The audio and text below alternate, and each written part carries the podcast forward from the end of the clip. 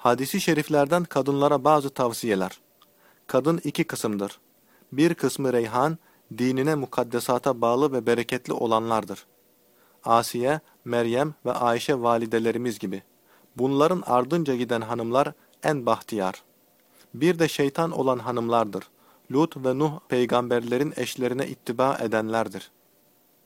Asiye'ye, Meryem'e, Hadice'ye, Ayşe'ye ve Hazreti Fatıma'ya uyan kadınlar aşağıdaki hadislere riayet edenlerdir. Size ey kadınlar tesbih eşit subhanallah, takdis eşit subbuhun kuddusun rabbuna ve rabbul melaiketi ve ruh, tehlil eşit la ilahe illallah, zikrini devam etmek gerektir. Bunları parmaklarınızla sayın. Çünkü bunlar sorulur. Bu zikirleri terk etmeyin ki rahmeti unutmayasınız. İzahı Yani bu gibi zikirler kıyamet gününde şahitlik yaparlar. Bu zikir kadınlar hakkında daha faidelidir. Binaenaleyh hadisi şerifin bunları parmaklarınızla hesap edin mealindeki cümle-i şerifesi tesbihleri sebha ile saymanın bidatliğini ifade etmemiştir. Yani sebhanın ele alınması müstehaptır.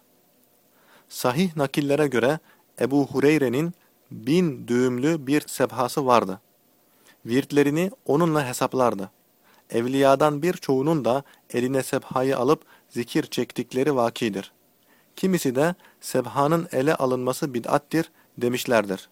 En doğrusu şudur. Kalp ve dil ile zikredenlerin tesbih, sebha kullanması efdaldir. Bu takdirde kalp ve dil zikrettiği gibi parmaklar da zikreder.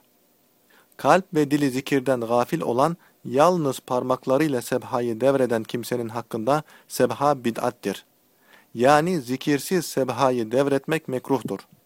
Sebha ayrıca şahit olur diye İmam Şarani'den naklen Zihni Efendi de yazmıştır. Bu hükümde kadın ve erkek müsavidir.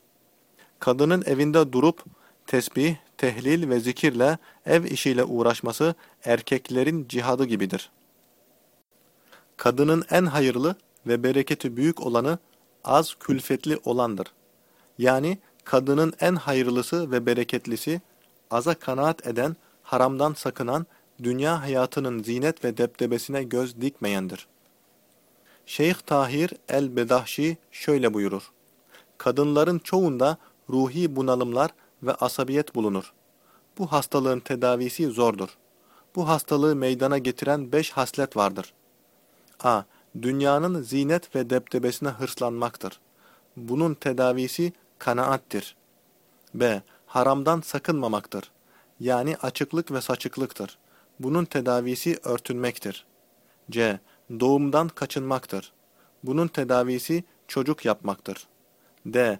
Kocasının mağlubiyetini arzulaması ve kocasını kendi akrabasına bağlamasıdır. Kadın kısmı bu arzuda muvaffak olamadığı takdirde ruhi hastalıklara, asabiyete mahkum olur. E. Kadının akrabasının kocasını tahkir etmeleridir. Bu da ümitsizliği ve geçimsizliği meydana getirir. Bunun tedavisi az külfetli olmaktır. Zira bir insan iki amirin emirlerini tatbik etmekten acizdir. Bir kadın bir meselede hem kocasını hem de akrabasının emirlerini yerine getiremez. Böyle bir durumda İslam hukukuna muhalif olmadığı müddetçe kadın kocasının emrini tatbik etmekle akrabasının emrini sarfı nazar eder.